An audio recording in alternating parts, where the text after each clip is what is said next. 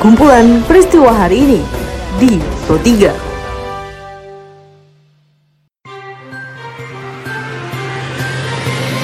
Halo pendengar, selamat berjumpa kembali di podcast Pro 3 RRI dengan kumpulan peristiwa apa saja yang terjadi pada hari ini. Pada podcast kali ini saya akan mengungkap dan mengulas isu-isu aktual yang saat ini masih hangat atau ramai diperbincangkan di sekitar kita. Pendengar tentu saja nanti akan saya hadirkan cuplikan informasi dari reporter kami. Saya Tika Nantia, inilah kumpulan peristiwa Pro 3 di ruang dengar Anda. Pendengar sebelum saya masuk ke dalam beberapa isu aktual yang akan saya hadirkan sesaat lagi, seperti biasa saya mengundang Anda terlebih dahulu untuk mampir ke laman berita kami di rri.co.id. Anda juga bisa follow sosial media kami di Instagram, Twitter, juga Facebook dengan mengetik at RRI Programa 3 di kolom pencarian Anda. Anda dapat mengungkapkan pendapat Anda di kolom komentar. Baik pendengar kami awali informasi pertama yang datang dari tim gugus tugas percepatan penanganan COVID-19 yang telah mengeluarkan surat edaran nomor 8 tahun 2020 berisi tentang pengaturan jam kerja pada masa adaptasi kebiasaan baru menuju masyarakat produktif. Hal ini dilaporkan oleh reporter kami, Pradipta Rahardi, di mana pemerintah mengklaim semenjak diberlakukannya pengaturan jam kerja ini, kerumunan di beberapa stasiun kereta dan juga halte bus mulai mengalami penurunan. Berikut penjelasan lebih lanjut lagi dari Deputi Bidang Koordinasi Infrastruktur dan Transportasi Kementerian Koordinator Bidang Kemaritiman dan Investasi Ridwan Jamaludin.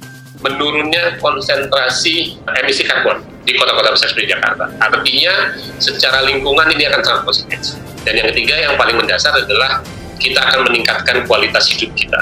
Artinya tidak usah harus terburu-buru, um, stresnya berkurang, waktu berkumpul dengan keluarga lebih banyak, hal-hal itu akan menjadi dampak positifnya. Pendengar Federasi Serikat Guru Indonesia atau FSGI ini melakukan survei yang ditujukan untuk seluruh guru, kepala sekolah, hingga manajemen sekolah. Hal ini terkait dengan adanya persiapan pembukaan sekolah pada zona hijau. Diliput oleh reporter kami Rini Hairani, Wakil Sekretaris Jenderal FSGI Satriwan Salim mengatakan masih ada kendala dalam persiapannya, yaitu kesiapan sarana dan prasarana. Apa saja uh, persiapan uh, yang perlu disiapkan oleh sekolah? Ternyata komponen utama yang dipilih oleh para responden untuk disiapkan oleh sekolah seandainya kenormalan baru atau sekolah itu dibuka kembali yaitu 80% menjawab adanya protokol kesehatan. Nah, protokol kesehatan apakah nanti dibuat oleh pusat maupun daerah. Nah, apakah SKB menjawab atau tidak? Tentu survei ini sebelum SKB itu dimunculkan. Pendengar informasi lainnya ini datang dari daerah Banten, di mana dilaporkan oleh reporter kami Nasruddin Jahari bahwa Gubernur Banten Wahidin Wahyu mengaku melihat kondisi terkini terhadap penularan COVID-19, maka pengawasan yang dilakukan harus lebih ketat. Bagaimana lebih tepatnya lagi? Berikut penjelasannya. Harap apalagi anak SD, TK, segala kalau kita pekan mereka kan agak susah ngaturnya. Gurunya juga terbatas dan ruang kelas juga sangat terbatas. Menurut saya memang kalau berdasarkan catatan kita, kita akan arahkan nanti pada bulan Desember baru kita buka. Dari Banten kita beralih ke Sampang, Madura. Pendengar dikabarkan ada satu keluarga yang terkena virus COVID-19, di mana di antara tiga anggota keluarga terkena secara beruntun. Saat diwawancarai oleh reporter kami Alvin Nuari dari RRI Sampang, PLT Ketua Dinas Kesehatan setempat, Agus Mulyardi mengatakan, kejadian itu berawal dari sang ayah yang merupakan mantan tenaga medis di Puskesmas Kedungdung. Uh, kita tidak bisa memastikan, tapi kemungkinannya ada. Ya, kemungkinannya ada. Untuk istrinya Pak Denny, Pak? Positif juga. Positif juga, hmm, Positif juga. Dirawat di sekarang sekarang dibawa ke Surabaya. Ya, ini kita sudah rapatkan gitu ya. Uh, yang pertama kita akan telusur seperti biasanya. Jadi kuncinya kan ada tiga, tracing, dan isolasi treatmentnya. Ya. Pendengar selanjutnya merupakan informasi terkait dengan update kasus yang diakibatkan oleh pandemi COVID-19 di Indonesia.